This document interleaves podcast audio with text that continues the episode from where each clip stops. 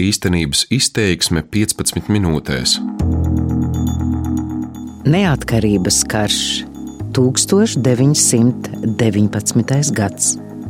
Stāsta vēsturnieks Jānis Šiliņš. Pirms simts gadiem, 1919. gada 6. martā, pārpratuma kaujā pie Airīšu mājām krita Latviešu Nacionālā karaspēka pirmais komandieris pulkvedis Oskars Kalpaks. 6. Marts - varoņu nāve. Viņš bija uzņēmies Latviešu vienību komandēšanu 1918. gada 31. decembrī, gluži vai bezcerīgā situācijā. Vadījis grūto atkāpšanos no Rīgas līdz Ventai, izcīnījis ar savu bataljonu pirmās uzvaras kaujās pret lielniekiem. Tādēļ ziņa par talantīgā un varonīgā, pat gluži vai pārdrošā virsnieka bojāju daudzus laika biedrus satrieca līdz sirds dziļumiem. 1919. gada 6. marta notikumi ziemeļos no Airīšu mājām šķiet vēl ar vienu ir viena no mīklainākajiem un pretrunīgāk vērtētajiem brīvības cīņu, jeb neatkarības kara vēsturē.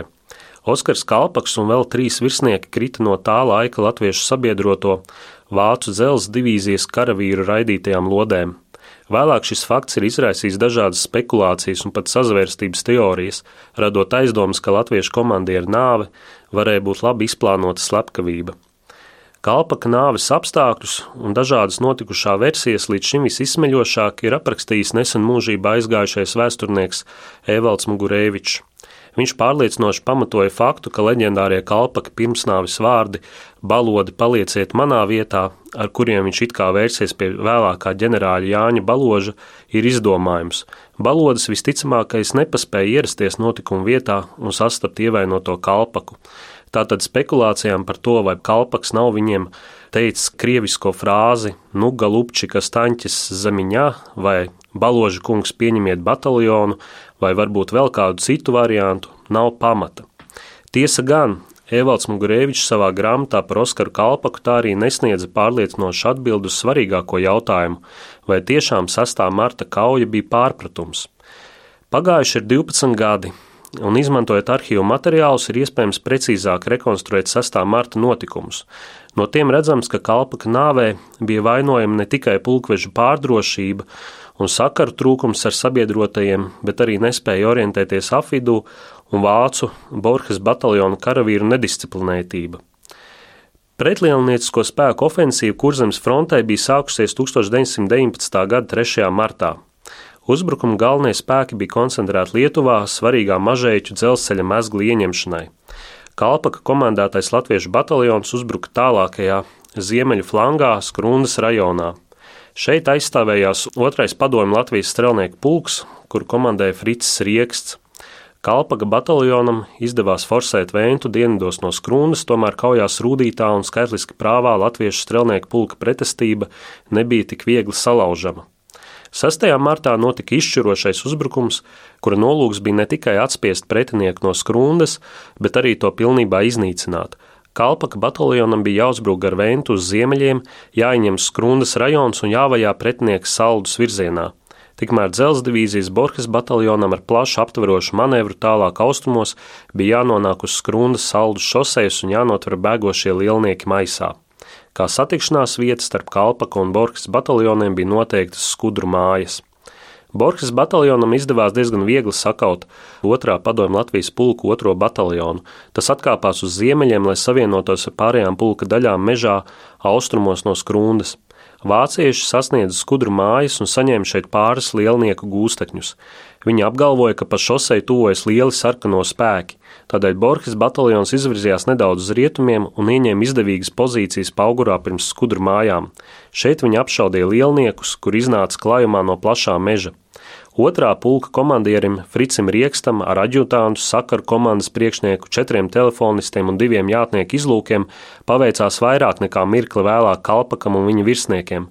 Sarkanie zem vācu šautaņu uguns noskrēja pārsimts metru plašo klājumu un izglāba savas dzīvības.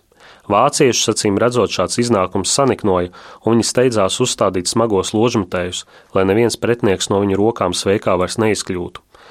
Apšaudas mežā dzirdēja arī kalpaks, kurš lika savām rotām un jātnieku nodaļai steigties uz priekšu, lai vajātu ienaidnieku. Biezajā mežā bija grūti orientēties. Acīm redzot, kalpakam nebija arī precīzas apvidus kartes. Cēsu rotas komandieris Jānis Puriņš lūdza atļauju viņam padot to rotu sakārtot gājienu kolonā uz šoseis, jo Nuškas stacija, kuru bija plānota sasniegt, bija palikusi jau aiz muguras. Kalpaks Puriņam to neļāva darīt, jo bija pārliecināts, ka Nuškas nemaz vēl nav sasniegtas. Viņš pat piekodināja Puriņam būt sevišķi uzmanīgam pēc Nuškas stacijas ieņemšanas, jo tālāk bija iespējams satikšanās ar Borges bataljonu. Patiesībā vācieši bija jau turpat līdzās. Kalpaks steidzināja jātniekus un kājniekus, lai ātrāk iedzītu bagošos lielniekus lamatās, nenojaušot, ka viņa vadītie karavīri paši jau tajās ir nonākuši. Lielinieki bija veikli atkāpušies uz ziemeļiem, aizgājušies cieceres upes un šosei bija pilnīgi brīva. Tomēr pat šajā situācijā bija iespējams izvairīties no drausmīgās traģēdijas. Borges bataljons bija izsūtījis priekšpusteņus, lai novērotu ienaidnieku kustību un sagūstītu atsevišķus noklīdušos pretinieku karavīrus. Tā vietā vācieši sāka laupīt apkārtnē esošās zemnieku mājas. Arhīvā glabājas vairāki ziņojumi par šīm laupīšanām. Bruņoti Borges bataljona zaldāti ielauzās Annas Kasperovičs mājā un draudot ar rokas granātām pieprasīja no viņas 500 rubļus. Lai viņu iebiedētu, kāds zaldāts uzmeta granātu uz mājas jumta, bet tā nokrit zemē un nesprāga. Tad viņa sagrāba Annas desmit gadus veco zēnu un draudēja viņu nošaut. Vācu karavīri iebruka arī Airīšu mājās.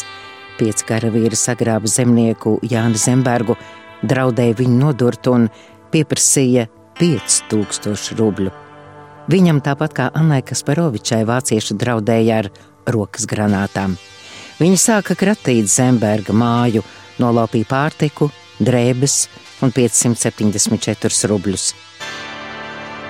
Tikmēr citi karavīri atņēma turpat līdzās dzīvojošajai Ievai Zeltsmanai kažoku, divas zīda, drānas un šalli. Ievai Zemeskalnē atņēma drēbes, 86 rubļu vērtībā, bet Marijai Eikertei 2000 rubļus un zeltlietas. Kamēr vācu kareivi savu komandieru vadībā aplaupīja zemniekus, pēkšņi parādījās cēsrotas karavīri, ar kuriem sākās savstarpēja apšaude. Iespējams, ja vācieši būtu disciplinētāki un pildītu savus tiešos pienākumus, abas puses varētu izvairīties no smagajiem upuriem. Kalpaki jātnieki pirmie sasniedza meža malu tālāk ziemeļos un pirmie cieta zaudējumus. Nepaspējis raidīt nevienu šāvienu no savas pašautenes, krita virsleitnants Pēteris Krievs. Kalpaks, dzirdot kaujas troksni, dzina savus rotas uz priekšu. Viņš pamanīja kādu studentu rotas karavīru, kurš baidoties no apšaudas bija pieplacis pie zemes. Pulkvedis tam kliedza: Kauns aiz ausīm izraušu laukā! Kalpaks ar spieķu rokā devās tālāk un pamanīja jātnieku nodaļas komandieru kapteini Aleksandru Lēvingu, kurš centās izkļūt no pretinieku uguns, lai varētu dot rīkojumus saviem karavīriem.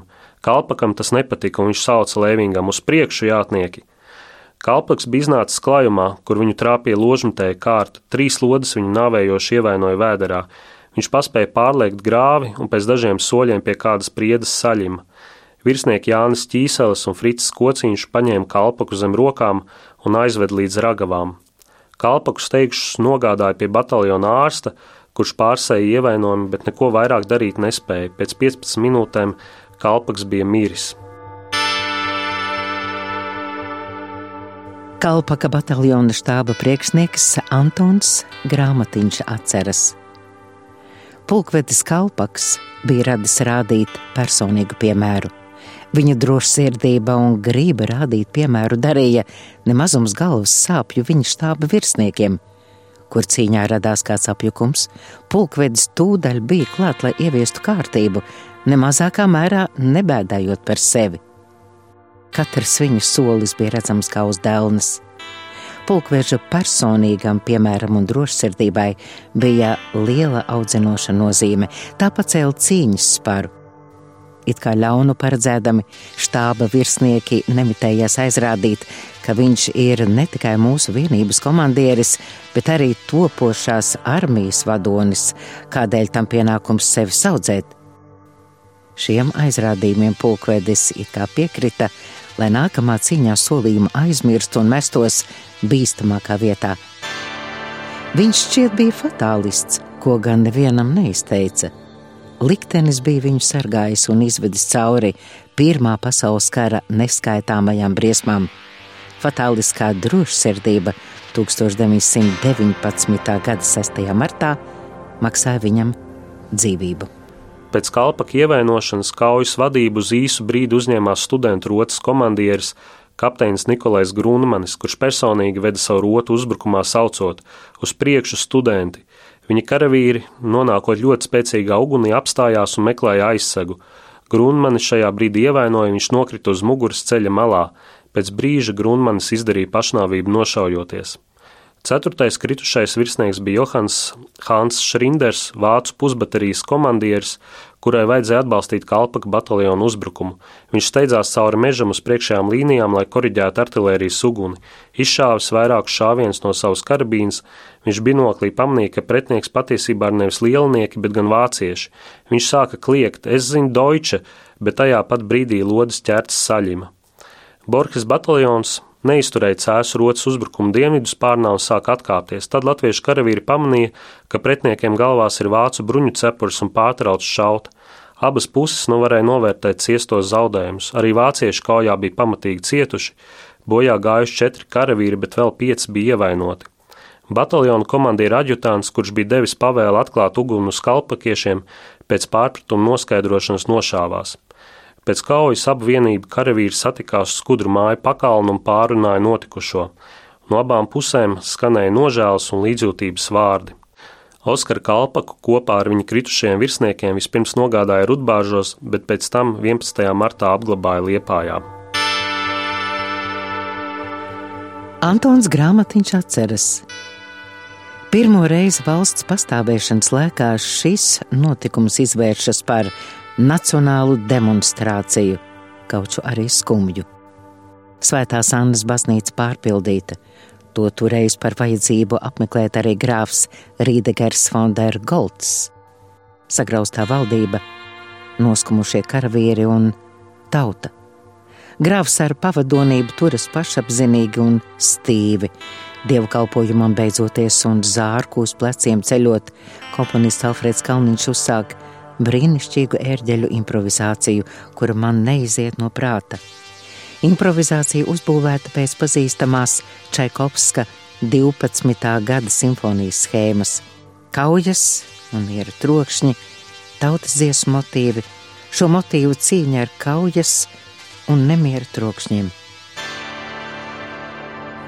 Ieskanas tautas lūkšana, kura cīnoties ar pārējām melodijām, maz pamazām auga paliek dominējoša, pārvar visu pārējo un skan uzvaroši, dārgos zārkus no baznīcas iznesot. Latvijai jāuzvar, tā uzvarēs. Neviļus ieskatījos Golds sejā. Pašapziņīgums un stīvums no tās bija zuduši, un grāfs likās satriekts. Protams, viņš nezināja improvizācijas ideju un saturu, bet kaut kas no mūsu nākotnes uzvaras skaņām viņu bija dziļi ietekmējis. Pulkvedis Oskars Kalpaks bija viens no ievērojamākajiem latviešu vienību komandieriem neatkarības kara laikā. Viņš vadīja latviešu karavīrus izšķirošajās brīžos kara sākuma posmā, kad neviens cits no augstākiem virsniekiem neuzdrošinājās uzņemties šo vienību komandēšanu. Un pulkvedis Oskars Kalpaks komandēja latviešu vienības tikai divus mēnešus. Tomēr šie bija izšķirošie mēneši jaunās valsts pastāvēšanā, kad tās liktenis karājās mata galā.